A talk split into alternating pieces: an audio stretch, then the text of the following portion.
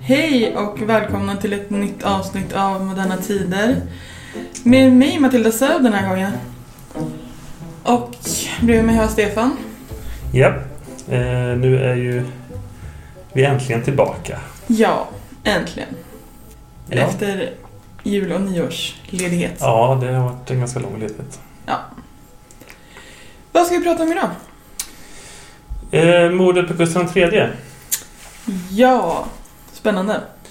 Det får man väl säga att det är. Det är ju en ganska... Eller en väldigt känd mordhändelse. Och en konspiration mot kungen. Ja, det är en väldigt spännande tid. Om man ser eh, sekelskiftet där 1700-1800 Mm. så det är mycket som händer. Både ute i Europa och även eh, på hemmaplan. Ja, 1700-talet är ju på något sätt det som definierar eh, det som kommer sen, alltså hela moderniseringen på något sätt. Ja. Upplysning och eh, revolution och politiska omvälvningar både fram och tillbaka kan man ju säga. Mycket. Det är ju inte så att det är en rak linje. För du, du har ju också valt att eh, ha den här podden från 1750 och framåt. Som att, eh, eller att du har dragit någon slags gräns där, att du inte tar historia som är... Nej, det är väl inte så kanske hugget i sten exakt, men det är ju där jag tänker ungefär som kring upplysningen och, och den moderna tiden. Man brukar kalla den tiden från medeltidens slut fram till ungefär 1700-tal, mitten på 1700-tal, upplysning och sånt. Så den brukar vi kalla för tidig modern tid. Ja, precis, men jag tycker det är intressant där, för det, det visar ju verkligen på, jag bara tog det som exempel att du också har dragit en ja, ungefärlig gräns där också för den här podden. Att det är ju mycket som händer Ja. eh, i den här tiden. Precis. Och eh, Sverige är ju verkligen också ett land som slår mellan ytterligheterna lite grann under 1700-talet. Ja, vi har ju frihetstiden där först. Ja, och eh, den är ju väldigt eh, politiskt radikal kan man väl säga för sin tid. Mm. Det, det är ju en rest av... När Karl XII dör så faller ju stormakten så att säga och då gör man upp med enväldet. Ja, och riksdagen precis. får ju väldigt stor makt. Det Hattarna och mössorna. ja, det blir ett partiväsende så småningom. Eh, kungen blir ju mer som en eh, galjonsfigur. Även om han måste, han måste ju så här stämpla allting. Men när kungen är som mest meningslös så har man till och med en, en färdig stämpel. Så riksdagen stämplar.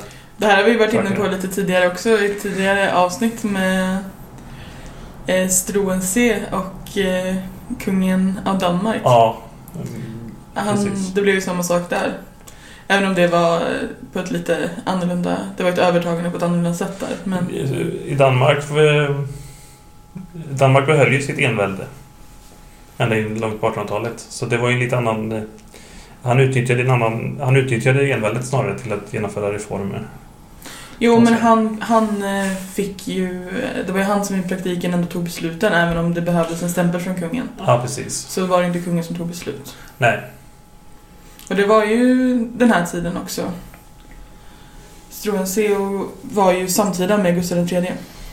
Ja, och Gustav III var väl gift med eh, kung Kristians syster. De hade en politisk allians. Det var ju inte något eh, sådär eh, äktenskap som byggde på kärlek direkt. Det kanske Italien gjorde i och för sig. Men det var ju väldigt politiskt. Eh, Gustav III liksom... Ständerna tyckte han skulle gifta sig med en dansk prinsessa. Ja, För att liksom ha en bättre, få en bättre relation med Danmark. Men vi har haft frihetstiden och Mm. det är ju också en tid som, där adeln har väldigt mycket makt. Ja, stäm, ja, riksdagen har ju mycket makt. Ja, men adeln, det har ju varit en, lit- en ganska bra tid för adeln också. Mm. Jag tänker vi kommer komma in på adeln eh, senare också, så jag vill bara ge förutsättningarna. Eh, adeln har ju haft eh, mycket spelrum så att säga och kungen har eh, ingen makt längre under frihetstiden. Men sen kommer Gustav III då Mm. och vill ju eh, ta tillbaka makten till kungen igen. Ja, det kan man ju säga. Men eh, man får nog ändå bredda det lite att... eh, Ja, varsågod. Ja, alltså ständerna har ju makt. Eh, man tar ju beslut via att varje stånd har ju en röst så att säga i riksdagen. Så att det blir ju också en ganska mer öppen politik brett så att säga. Man är ju ganska inspirerad av upplysning och, och, man får ju till och med en tryckfrihetsförordning då 1766 till exempel och, och sådär. Eh, så, så även om adeln har ju ett större inflytande för de har till exempel dubbelt så många eh, mandat i utskotten och sånt än de andra stånden har. Just det.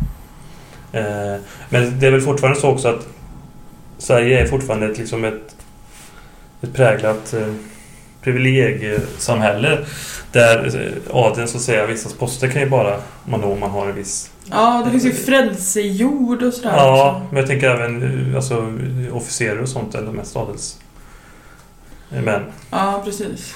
Eh, för det ser man ju sen också att de, de här adelsmännen som är inblandade i i mordkomplotten, de är, har ju ofta en militära grader. Ja. Men jag tänkte bara säga det här för att jag har förstått som att man också börjar redan innan Gustav III kommer till makten att även börja upp, luckra upp adels privilegier alltså i, i vilket Gustav III också gör senare också. Ja, I riksdagen alltså? Mm. Mm. Till förmån för de andra ständerna då? Ja, till exempel om ägande och sånt. Ja. Även om Sverige då adeln har ju historiskt sett inte haft en jättestark makt i Sverige för att bönderna har ju varit självägande till väldigt stor del om man jämför med andra delar i Europa. Där man haft mer ett feudala eh, system. Ja. Där kungamakten varit svagare. Eh, och så. Förlåt. Eh, men vi kan gå vidare mot... Nej, det är jättebra. Men det är i alla fall en, en bra tid för adeln. För det är ju de sen som är de som mest sätter sig emot Gustav III. Mm. Det var så jag tänkte. Men Gustav III kommer ju till makten, gubben, men han är född? Han är född 1746. Och eh, Adolf Fredrik, hans far då, dör 1771. Efter en ordentlig middag. Men vi behöver inte det ska vi inte. gotta oss i det. Nej. Eh, Den avslutades de... med het vägg i alla fall. Ja, och det var ju, de var ju tyskar. Holstein Gottorp hade ju kommit till makten efter... Eller hade ju valt sig svenska... Makt, det handlar ju inte så mycket om makt. Även om eh, moten där var ju från Preussen och förstod för jag hade väldigt svårt att förstå det här med den, den här liksom begränsade kungamakten. Ja, men Adolf Fredrik var väl också en ganska medioker kung? Ja, eh, det var han ju. Hans fru var ju mer maktspelare och kanske såg mer till sonen vad sonen skulle bli, även om deras relation sen inte blev speciellt bra. Men eh,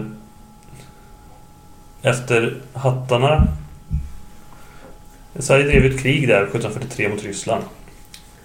Och då eh, som var helt misslyckat och det, då, det gjorde ju att eh, ryssarna kunde bestämma svensk, vem som skulle bli tronarvingar i Sverige. Eller tronarvinge. Eftersom eh, Fredrik den första hade ju inga eh, lagliga barn som kunde ärva tronen. Och då blev det han den här, eh, vad han nu var, första eller... Från Horstein Gottorp, ja. Då, då man bytte eh, familj så att säga. Ja, så Sverige var ju i ett prekärt läge rent internationellt också kan man säga där Eftersom man har drivit det här misslyckade kriget. Man kan säga 1700-talskrigen i Sverige för Sverige, om man räknar bort precis den första tiden där med Narva och så här, så är ju ofta ganska misslyckade. Vi är inte ett krigsland, precis. Eh, vi har ju, nej det är inte. Eller i alla fall efter stormaktstiden. Nej, precis. Men eh, 1771 då så dör eh, Adolf Fredrik och då kommer hans son Gustav III som sitter när han får beskedet så sitter han på operan i Paris. Faktiskt. Och då har det väl gått nästan två veckor sedan kungen har dött. Eh, det tog lite längre tid då. Gjorde ju det.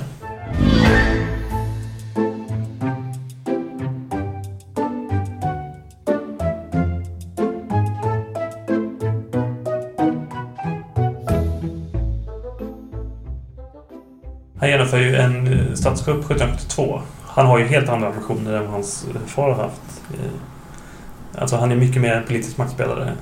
Just det, så det är bara ett år efter att han kommer till makten då som ja. han gör den här kuppen. Och den, är ju väldigt, den går ju väldigt smidigt. Alltså den är, väldigt, den, helt, den är liksom i princip helt oblodig och liksom i ett svep så så, är, så har allting förändrats kan man säga. Men han vill inte bli enväldig, men vad är Han vill han... väl kanske bli enväldig men det han säger, alltså det är ju inte, han, det är inte att man inför, inför ett formellt envälde igen. Men vad är det han lyckas med då, eh, 1772? Ja, till exempel så lyckas han ju att han kan liksom, eh, stifta egna lagar. Mm. Eh, däremot han inte får göra är till exempel det här att han inte får starta krig. Det måste riksdagen godkänna. Vilket ju kommer komma på kant med senare. Ja.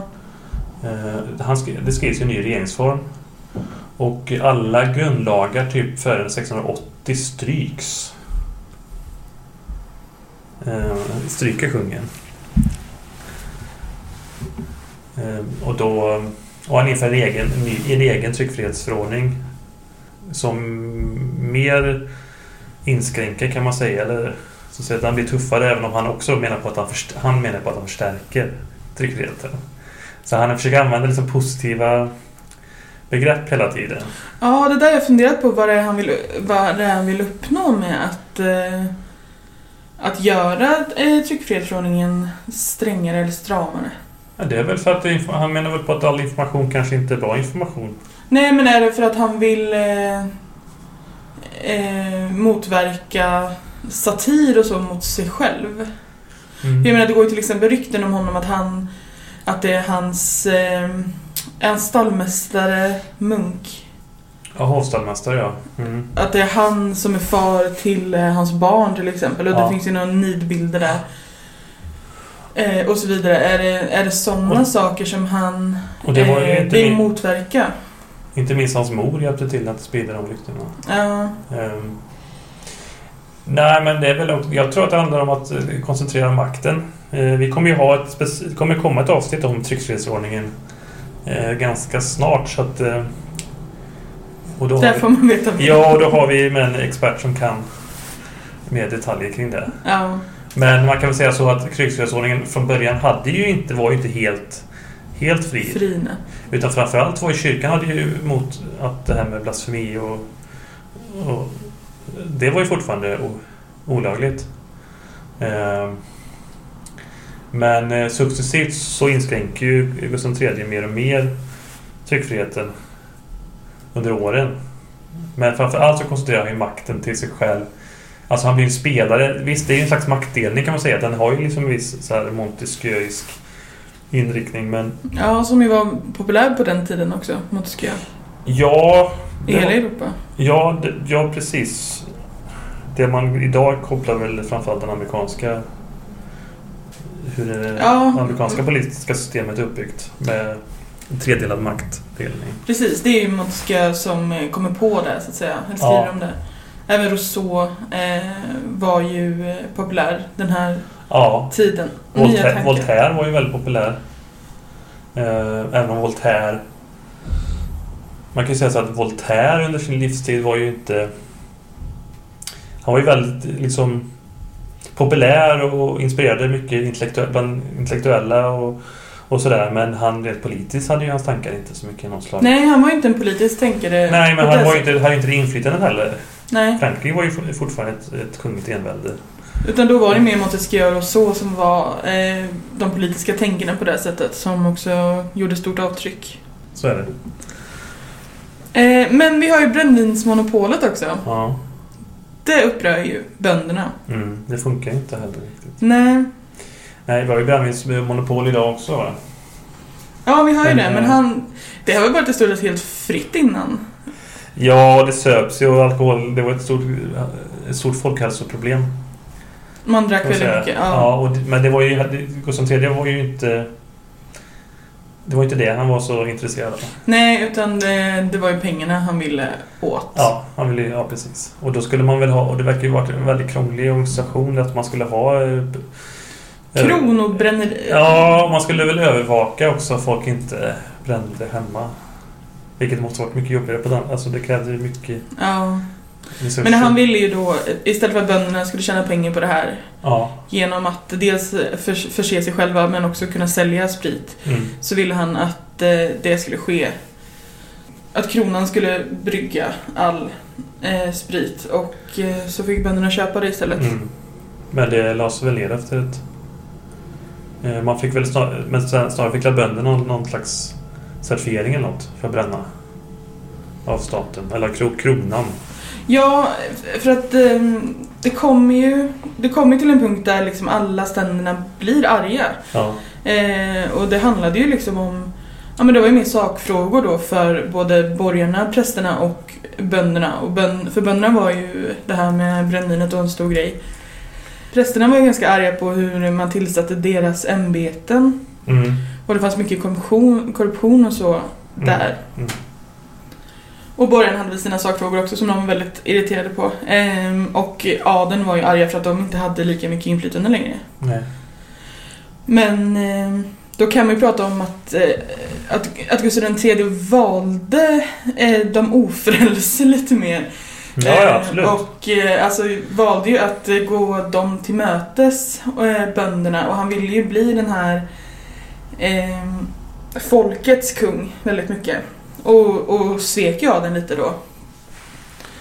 För att han gick inte adeln lika mycket till mötes som eh, till exempel bönderna och borgarna. Ja, men det är väl också så att det, det har varit så mycket i svensk historia. Och det, man brukar prata om att det är därför folk har stor tilltro till staten och sådär. Att kungen har ofta allierat sig med bön, bondeklassen mot adeln. Ja. ja. Som sagt, adeln har inte riktigt Men adeln haft kom ju... inflytande som man haft i andra. Nej, men adeln kom ju från en period med väldigt högt inflytande och var väl väldigt nöjda med det. Mm. Och sen så då eh, så ville de försöka få tillbaka lite makt igen, men det gick ju inte. Eh, och kungen var inte alls eh, sugen på att, på att ge dem tillbaka någonting. Och då blev de ju inte så glada. Det är klart. Sen vet man ju inte vad som skulle ge vad för så småningom då så startade ju eh, ett krig i, mot Ryssland. Ja, Ryssland är i krig mot eh, Osmanska riket samtidigt och då tänker han att det är svårt med tvåfrontskrig. tvåfrontskrig. Det är ju hans kusin Katarina den store som... Som jag har förstått det så var det, det var väl meningslöst krig också. Det var liksom inte... Eh, Ja, han ville bara ha lite krig. Ja, tanken var nog att på något sätt erövra något som, eh, områden som Sverige hade förlorat i det här eh, freden Nystad 1721, alltså slutet för den svenska stor, stormakten. Det som idag ligger i Finland, ja. Ja, men jag vet inte om det handlar också, handlar också om att han så att säga vill al i Ryssland. Ja, men jag har hört också att, man ville, man, att han fokuserade på att eh, kanske få tillbaka lite delar av Finland Okej. från Ryssland. Men Sverige hade ju liksom områden ända, det var ju i Baltikum och, och även kring det här där man anlade stad, det här Sankt Petersburg där. Eh, Ja. var ju svensk, svenska områden. Men han ville ju ha eh, krigisk ära. Ja, det kanske var grandiost att försöka återupprätta det svenska stor, eh, stormaktsväldet. Inte kanske helt intakt, men att Sverige var... Även om Sverige redan innan var, fortfarande var ett, rent till ytan ett av Europas största länder fortfarande. Som vi, Ja, till ytan ja. Ja. Men vi var ju inte en stor spelare längre. nej. Men jag tror vet inte hur mycket man såg i Ryssland som ett hot också. Mm. Men, det här är, men kriget mot Ryssland, det irriterade ju adeln. Som ju också var eh, ofta högt uppsatta inom armén. Ja, framförallt så eh, handlar det väl om att Gustav III startade kriget på egen hand. Ja, ja, precis. Det fick han ju inte enligt lagen göra. Hur lång tid... Ska vi dra den lite snabbt? Okej. Ja, alltså han, han fejkade ju, han iscensatte ju Ja. att det var Ryssland som gick in i Sverige. Ja, just det. För han fick inte starta anfallskrig. Men om man skulle Precis. försvara sig så fick man ju försvara sig. Då fick ju han försvara sig. Ja, så då ju- gjorde ju han så att några svenska militärer klädde ut sig till ryska militärer och sköt lösa skott Mm. mot eh, gränsen mot Sverige. Mm. Och då fick han då mandat att eh, ge eh, Ja. Sverige måste ju kunna försvara sig i så fall. Ja, precis. Men det är inget ovanligt. Andra världskriget startade precis... Tyskarna gjorde precis samma sak i Polen. Ja, jo, men det är ändå... Ja, det är ju fascinerande. Ja. Eh, jo, men för, jo, precis. För att han tänkte ju att adeln, eh, riksdagen sk- skulle inte gå med på att, eh, att eh, de ville ju inte ha krig mot Ryssland. Och det är klart att det här irriterade dem då. Ja, kriget går väl ganska dåligt då kan man säga. Även om Sverige vinner ett viktigt slag där vid Svensksund, ett sjöslag som gör att det, kriget slutar ju i fredsförhandlingen så blir det oavgjort kan man säga. Eller liksom Ja. status quo. Det blir en Eh, slags noll. Så Sverige vinner ju inget. 11 000 dog ungefär svenska soldater. Ja. Eh, och, eh, Nej, helt onödigt. Bara ja, 11 000 och då människor. börjar ju det liksom muttra och bubbla i de militära leden. Och Ja. det är Anjala-förbundet som bildas som ett, ett slags upprorsförbund mot III. Du ska säga någonting? Nej, förklara gärna mer om vad Angela-förbundet är. Ja, jag är inte någon... Det var bara en, det var bara en sammansvärjning av... av eh, Officerare. generaler och officerare. Ja. officerare är ju liksom... Det är alla egentligen. ja. Militär. Högt, Militär. upp, högt uppsatta. Ja. Rullar vi nu eller? Kom av oss lite. Eh, men den avslöjas ju det här eh, sammansvärjningen. Och eh, flera, de utdöms ju mot flera stycken. Men det är bara, kungen gör en grej också av att han benådar alla, utom en. Hästesko heter han? Just det. Som avrättas. Han Och avrättas. då är, står en, en, en annan ung adelsman i betydligt lägre grad va? men Han står och tittar och på det här. ser, ja, Mm. och, sen, och det Jakob väcks en tanke. Johan Ankerström. Ja. Inte så gammal. Nej, han var väl knappt 30. Var. Ja. När, när han mördar eh, Gustav III så är han 29 år. Ja, Ska, om vi ska komma in på det här med, med konspirationerna då. mm. Så eh, kan man ju säga att det fanns två konspirationer. Mhm. Den ena som eh, leds av eh, Perslin. ja. Eller Peklin, jag vet inte hur man uttalar det. Nej, jag hörde Perslin. Perslin har jag hört, men... Ja, det kanske... Eller en utländsk släkt, en tysk eller något. Mm. Ja. Men med reservation då för uttalet så... Ja. Och där är det ju lite äldre eh, människor, kan vi säga. Jag, jag tycker nästan man kan skilja dem, det lite äl- äldre gardet och det yngre gardet till en början i alla fall. Men jag vet inte hur mycket det är också låg och... eh, Låg och hög adel. Ja, Peklin är väl någon gammal eh, militär som har liksom levt hela sitt liv i frihetstidens anda och har väl aldrig liksom tyckt om Gustav III och den stärkta kungamakten. precis. Så Men är han det. är gammal, han är över 70 år. Han är väldigt gammal. Ja. Och så har vi då von Engeström. Mm. Eh, två bröder där. Men framförallt den ena brodern var väl lite mer delaktig. Ehm, som också var alltså, irriterad. Alltså man hade ju en ganska stor statsskuld också. Han var ju, Mm. Gustav III var ju väldigt... Vad sa du? Kriget kostar pengar också. Ja, och så var han ju en slösaktig kung, Gustav III. Eh, så man hade en stor statsskuld. Och ehm, så har ju också den här förening och säkerhetsakten blivit ett faktum. Just det. Riksdagen 1789 Exakt. i Gävle. Där kungen verkar ha insett att oppositionen har växt. För att det var ju massa personer, eh, eller flera i alla fall, som, blev som arresterades innan. Ja, Eh, och satt, som inte kunde komma till Gävle. Och Ankarström gick tydligen omkring där i Gävle och väntade på ett tillfälle men eh, stan var helt full av militärer också. ja.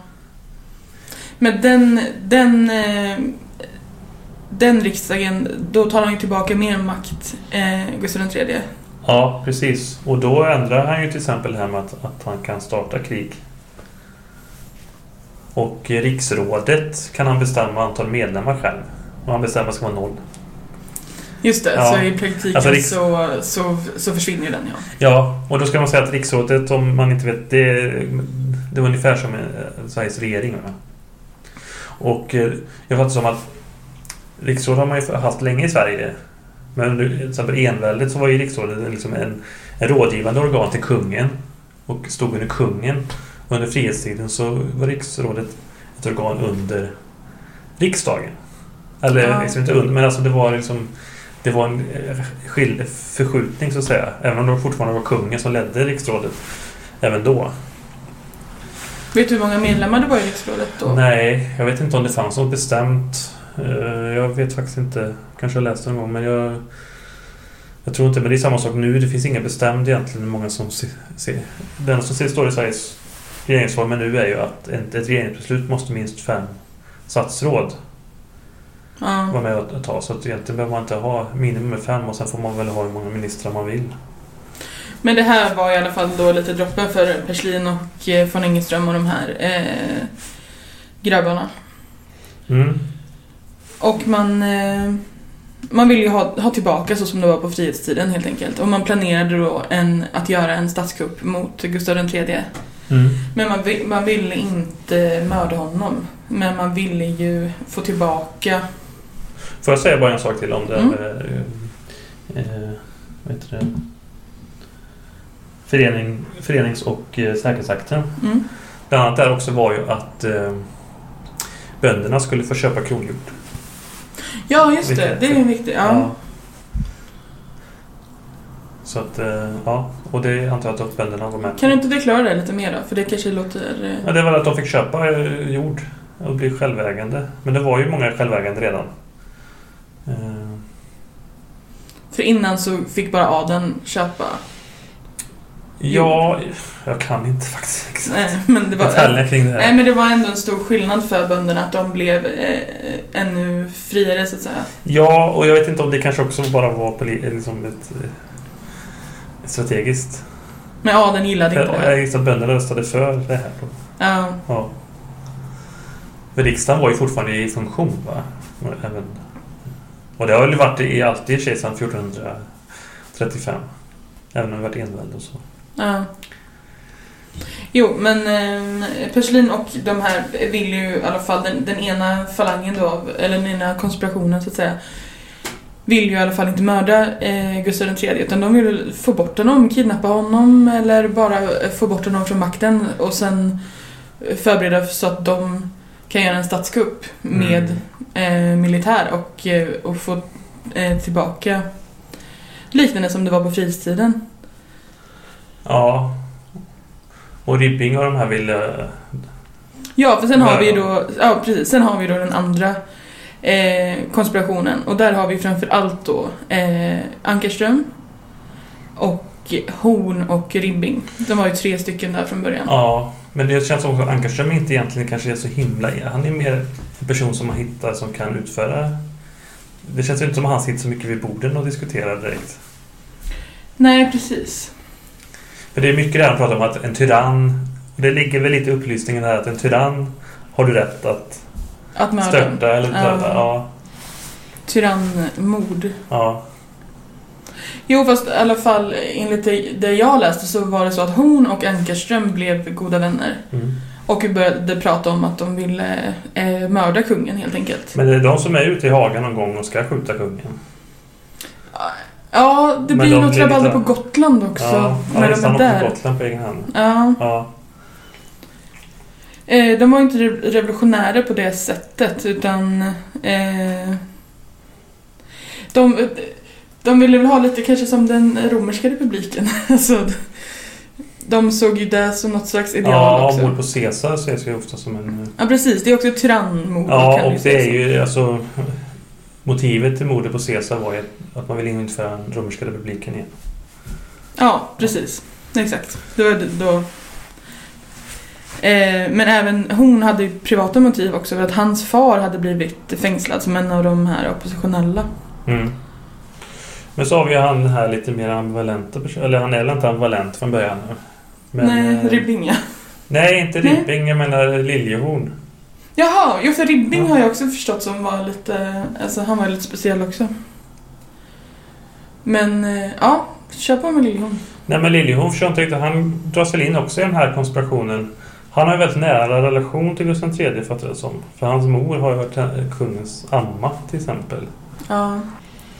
Men han är ändå med på vad som ska hända ända fram till eh, the bitter end. Ja. Nästan.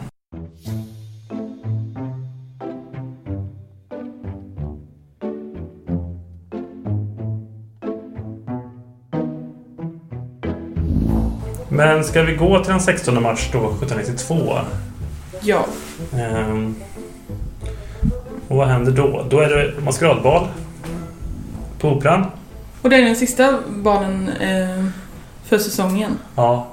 För det, det har varit funnits andra tillfällen där man har kunnat... Eh, Det kan vara ganska många, man hade många baler för de har ju ändå Ja, haft ja. några, några tillfällen Ja. under våren. och- eh, när de har ja, försökt skjuta och vissa Gustav. ställs in också för att det är för kallt Ja, och så. Men de har eh, inte kommit till skott under vintern. nej.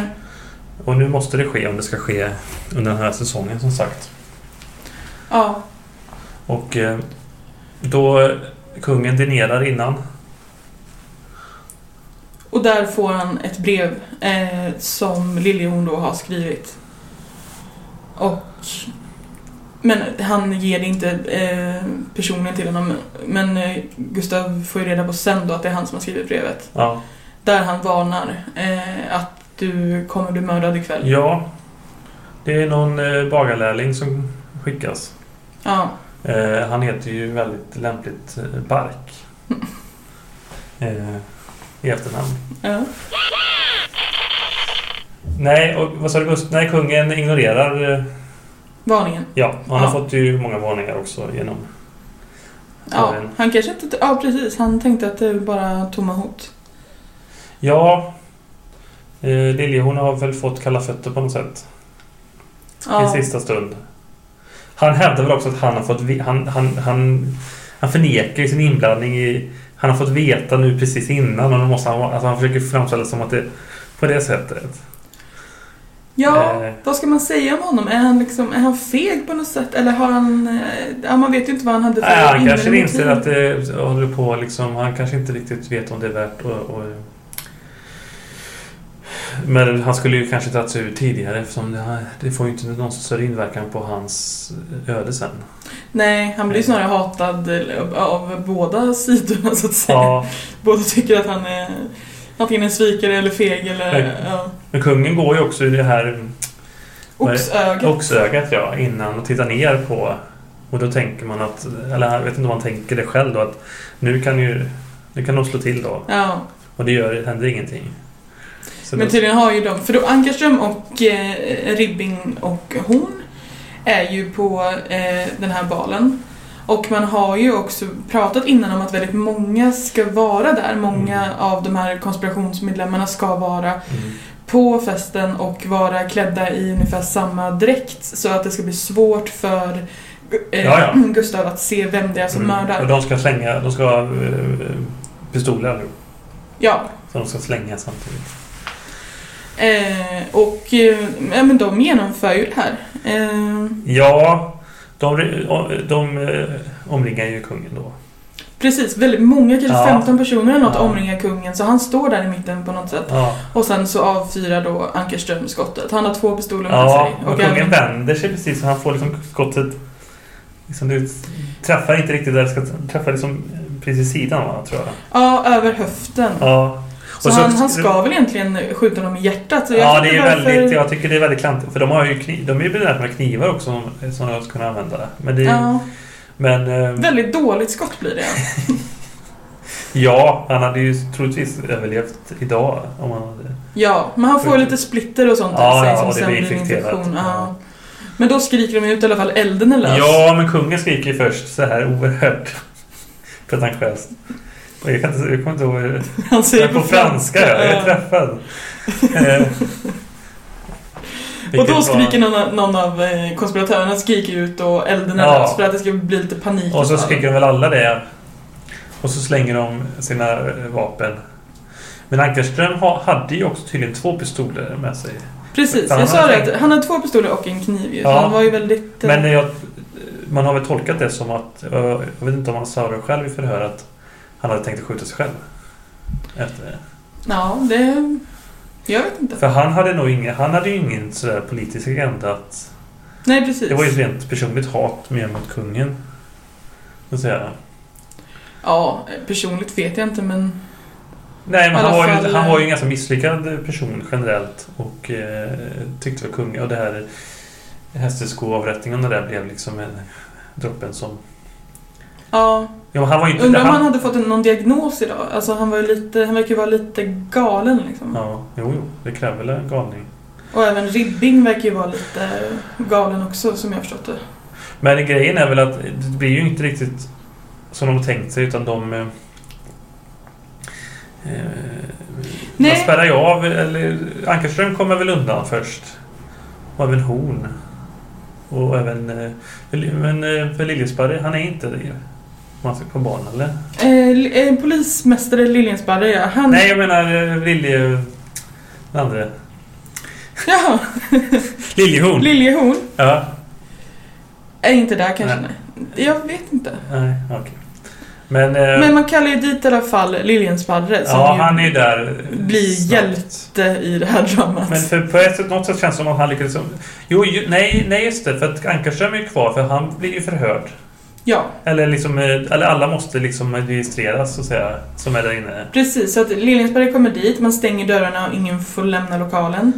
Eh, och alla då får ta av sina masker och eh, så gör man ett snabbt förhör med alla Ja, som man är... får säga vem man är och vem man... eh, Ja, Sådär. alla som är där. Sen får ju folk gå.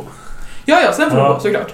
Men eh, det är ett väldigt bra första steg menar jag i någon slags eh, i processen som Ja, men blir jag så. fattar inte varför ingen ljud... Alla verkar vara så uppriktiga. Men... Eh, Ja, eh, och sen, ja, och sen börjar han... Det är ju väldigt så här, kriminaltekniskt också. Eh, ja, ja. han, alltså man får väl säga att han eh, är, Han hittar ju mordvapnet då. han är ju väldigt duktig den här eh, personen. Ja, och så finns det, jag vet inte hur många det var nu, det var inte jättemånga vapensmeder i Stockholm Nej, precis. Så under natten där så går de på och, och som gör husrannsakan kan man säga. Eller liksom mot de här och, för, och förhör dem. Massa vapensmeder. Och det är en som erkänner till slut att han har att det var en Ankarström som... Som har köpt. Ja, Precis, från honom ja. ja. Så då kan de gripa Ankerström Ja. redan morgonen Men sen eh, är det ju det här brevet också då man får tag på med en gång. Ja, Som... ehm, Liljehorns brev ja. Mm. Men jag vet inte, det var, det var det den här lärlingen som också har spelat en viktig del i det. För sen går ju han till Liljehorn och vill ha de här två. Han har blivit lovad två kronor för... För att lämna brevet? Ja, och han Ja. säger att jag vet inte, du vet, vet vad du pratar om. Du måste ha fel. Jag har inte... Ja, ja. eh, Just det. Men sen så... Och han kan då peka efter- ut att det var eh, Liljehorn som skriver brevet. Ja, och ingenting, ingenting av det här som sker. Det ska ju vara, mass, det ska ju vara lojala trupper och sånt där som ska befästa viktiga... Och drottningen ska underrättas. Och, Ja, precis. Det ska ju bli en militärkupp Ja. direkt efter.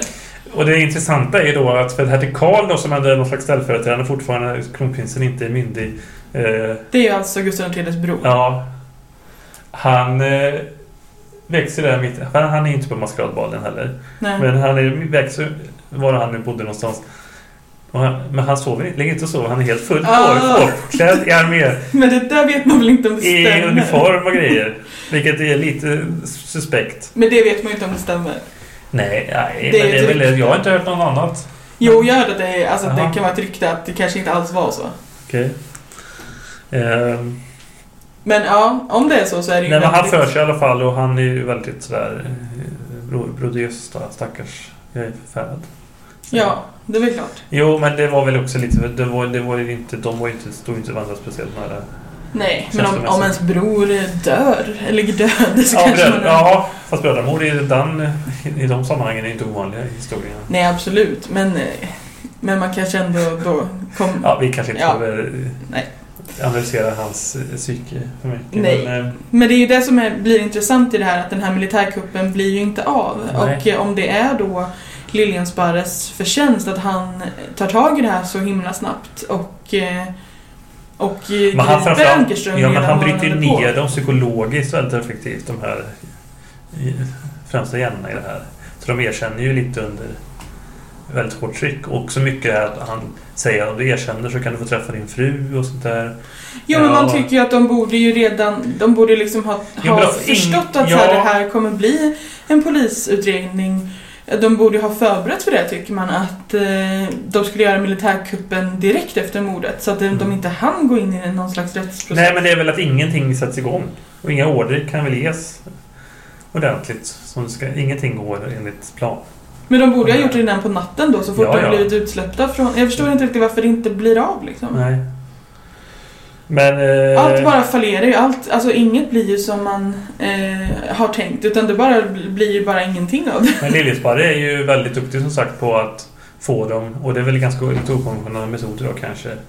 För några Ja, som får vara i beva jag tror inte fast han som inte vet med- om det. Ja, men jag tror inte han höll på med tortyr Ja, och så. psykisk tortyr. Ja, Delvis. men inte fysiskt tortyr. Eh, för han till exempel... Eh, Ankarström är så... Han är ju fängslad, han är ju så fängslad på sätt så han kan liksom inte ligga...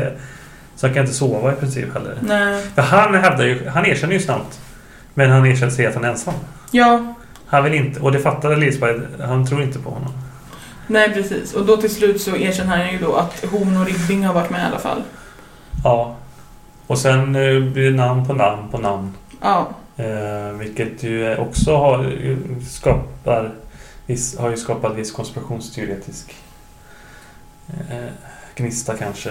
Mm. Men eh, vi kan komma till det för kungen lever ju fortfarande Ja. och han får ju veta vem som och mördar honom och blir väl lite missnöjd att det är så låg den personen så låg rang som skjutit honom. Och han, blir, och han får ju också veta med Liljesparre som han ändå verkar ha haft en viss eh, sympati för. Ja. Eh, Men han vill ju benåda alla också. Han vill ju, han vill ju visa sig... Ja, vill han det? För han vill ju inte... för Han, vill ju, han, han förbjuder ju alla... Ingen får prata om Alla i rummet... Ingen i rummet får prata om det som har hänt. Liksom. Nej. Eh, utan han vill att folk ska prata om allt annat. Och han skäms för att det här såret börjar stinka. Eh, Men Lilje hon eh, vet att honom vill han ju benåda men han vill inte eh, se honom igen så att säga. Liljehorn är ju... Han förlåter honom, säger han. Vet jag. Jag vet Ja. inte om han benådar honom. Den juridiska pressen har ju inte riktigt... Men han vill ju inte att alla ska avrättas som har Det är väl som han har tolkat i alla fall. Jag vet inte om han har skrivit...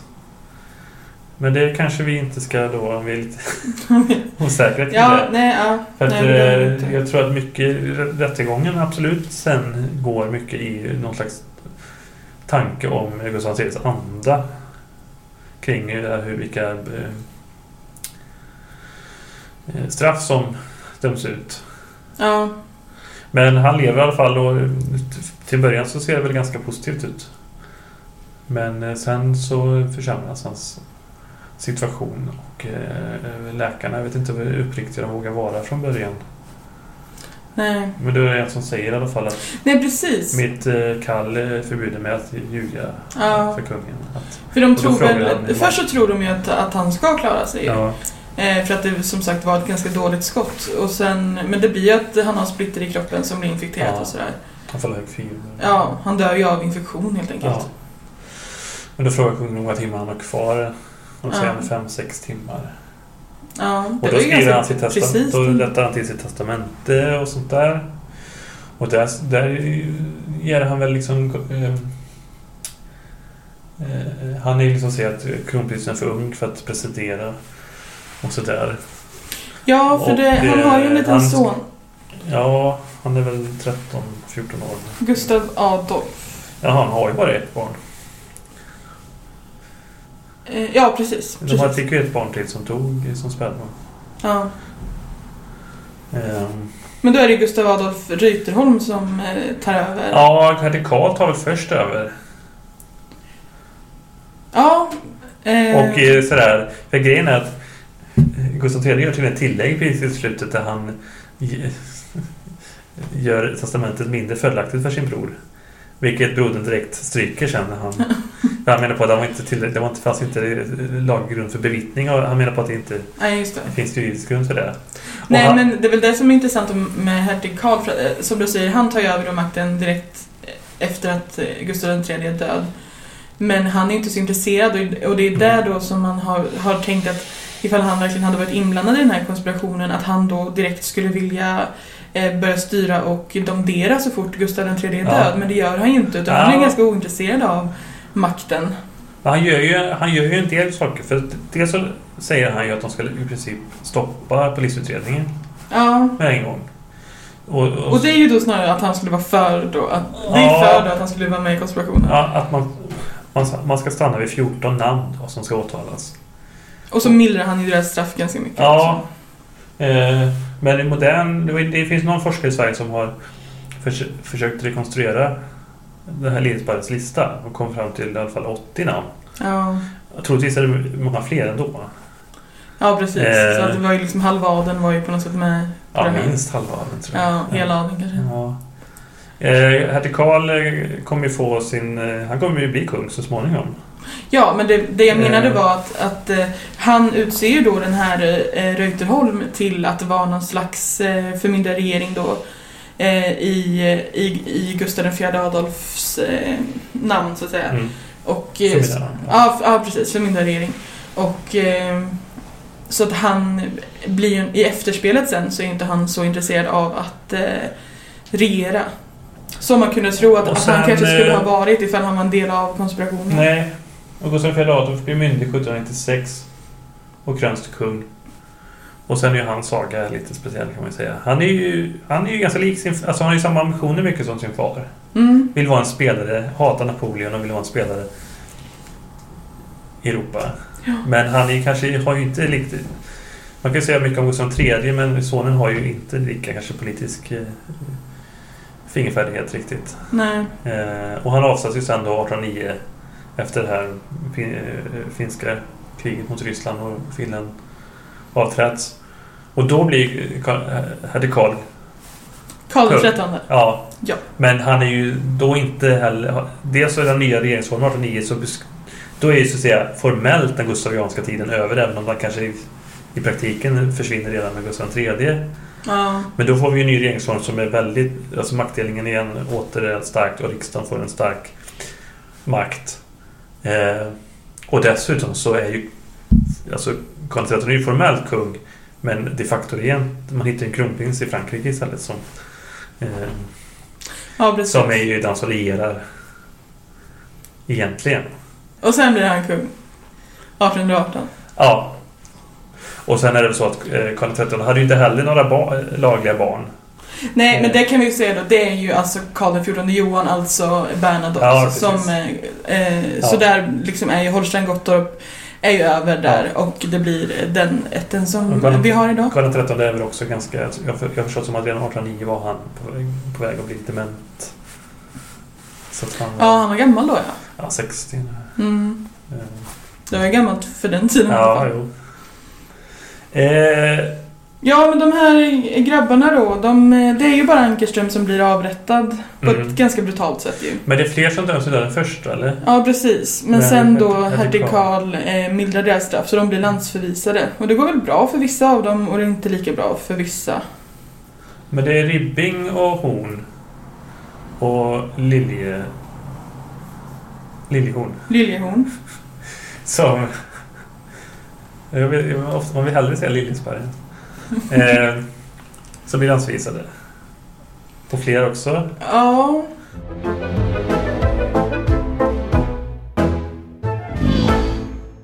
Men Perslin då är ju ett intressant öde. Ja, han erkänner ju aldrig. Nej. Och han blir satt på Varbergs fästning för, eh, på bekännelse.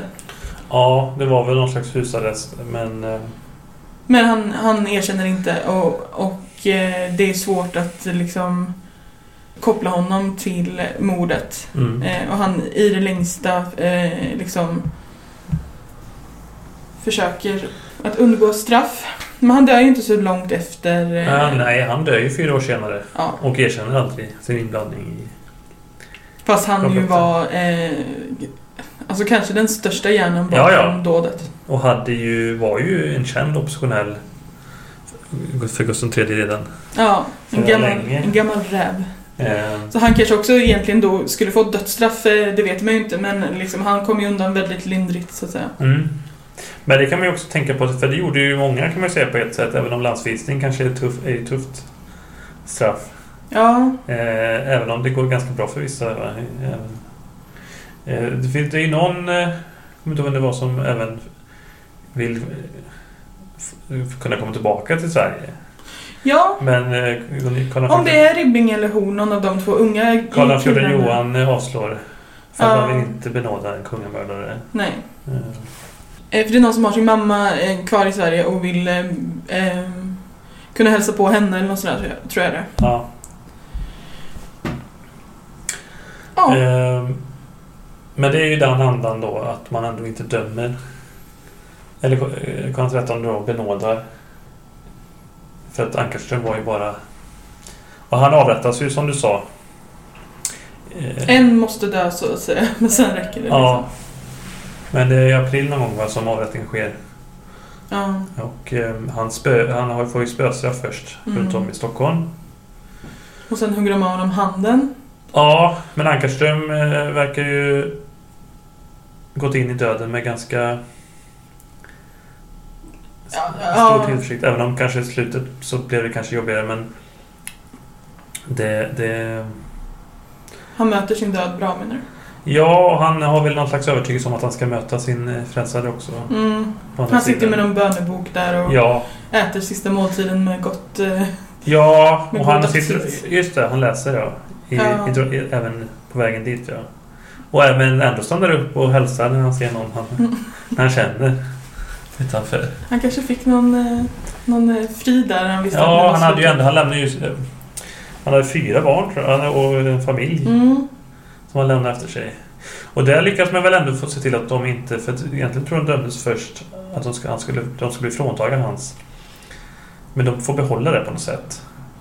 Deras eh, hus och så, alltså Ja. deras liksom... Eh, de- de ska bli satta på fattighuset typ ja. Men sen så blir de, ja men precis som du säger, Men jag vet inte, de blev väl av med sin adels... Eh, adelstitel. ja. För de ju om sig till Löwenströms... Ja, man kanske inte vill heta Så. Ankerström efter. Nej. Lite blir förknippad med det. Och de, en av någon nättling där sen är ju... Startade ju ett sjukhus där. Eller, eller typ i Vallentuna eller vad det är. Mellan Stockholm. Löwenströmska sjukhuset. Som är en slags botgöringsgrej också. Ja. För familjen. Eh. Ja, ja. eh, Gustav III. Ska vi säga något slutligt om honom? Eh, jag skulle säga att historien fortfarande beskriver Gustav III som en ganska... Eh, beskrivningarna är ofta ganska positiva. Man kopplar ofta att han är Ja. kult, en teaterkung. Mm. Eh, han skrev Ja, ju egna... han gillar ju ju akademi- själv. Akademierna är jag Ja. också väldigt förtjust i. Och... Tog ju operan till Sve- alltså opera på svenska. Ja, precis. Det hade ju inte funnits innan. nej. Eh, de här akademierna, ja. eh, Framförallt Svenska Akademin. Ja. Eh, Kungliga eh, Dramatiska Teatern. Vetenskapsakademin fanns. Det var hans, hans mor som inrättade den. ja, precis. Men han var ju väldigt delaktig i den också. Ja. Han gillade den mycket och var Eh, högst delaktig. och sen... Men samtidigt så var han ju som sagt en person som ville stärka kungamakten. Ja, och han ville ha folkets, eh, folkets kärlek. Ja, men det var ju det här begreppet upplyst despot. Mm. Som Gustav III nog försökte anamma mycket. Och var ju ett ideal eh, på under 1700-talet. Mycket. Sen så kom franska revolutionen och alla blev livrädda. Och det blev Gustav III också. Ja, det blev han ju. Svenska tidningar förbjöds ju. Vi pratade, vi pratade om censur och det här men förbjöds att skriva om det som hände i Paris. Ja. Och Gustav III hade ju någon slags väldigt grandios tanke om att han skulle leda någon slags motrevolution. Ja, En attack. det hade han ju planer på. Ja, Mm. Då vet man ju inte, det är ju kontrafaktiskt då, men då vet man ju inte vad som hade hänt då liksom om han hade fått leva. vad som... Nej, men de, det, var ju, det var ju beslut och eh, även han... Eh, eller beslut, men det var ju planer på... Han var ju i Aschen eller vad det var och träffa eh, andra eh, viktiga personer som... Han ville väl skapa en allians med olika furstar och kungar i Europa mot revolutionen. Men han ville gärna vara den som... Och samma, samma sak med Axel von Fersen skulle rädda kungafamiljen. Så red ju... Ja, det var då han kanske var i Aschen, jag vet inte det. När han skulle rädda franska kungafamiljen. Ja. Mm. Så red ju eh, Gustav III, eller ja, han åkte till... Han tog sig till Aschen tror jag.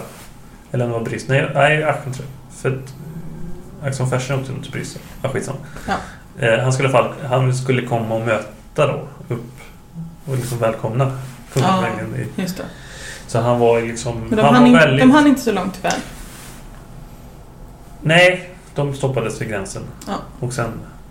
Var det... Var det, var det Ribbing eller Lilje? Det var ju någon... Ribbing var det som hamnade i Frankrike va? Han bevittnade ju faktiskt avrättningen av Ludvig Ja, det. 16. Mm. Så kan det gå. Ja. Men ska vi säga tack där kanske? Ska vi sätta punkt där kanske för den här gången? Det är Ja, ett eh, det- spännande öde i alla fall. Ja, det får man väl säga att det blev. Och en väldigt... eh, Det är väl det och liksom Palmemordet har ju varit liksom de stora grejerna i... De stora morden i svensk historia så att säga. Ja, absolut.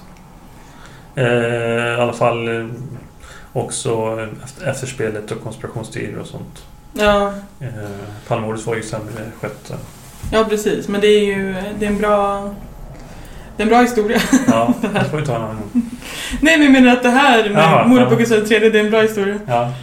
Eh, tack så mycket för att ni har lyssnat. ja, tack så mycket. Vi hörs snart igen.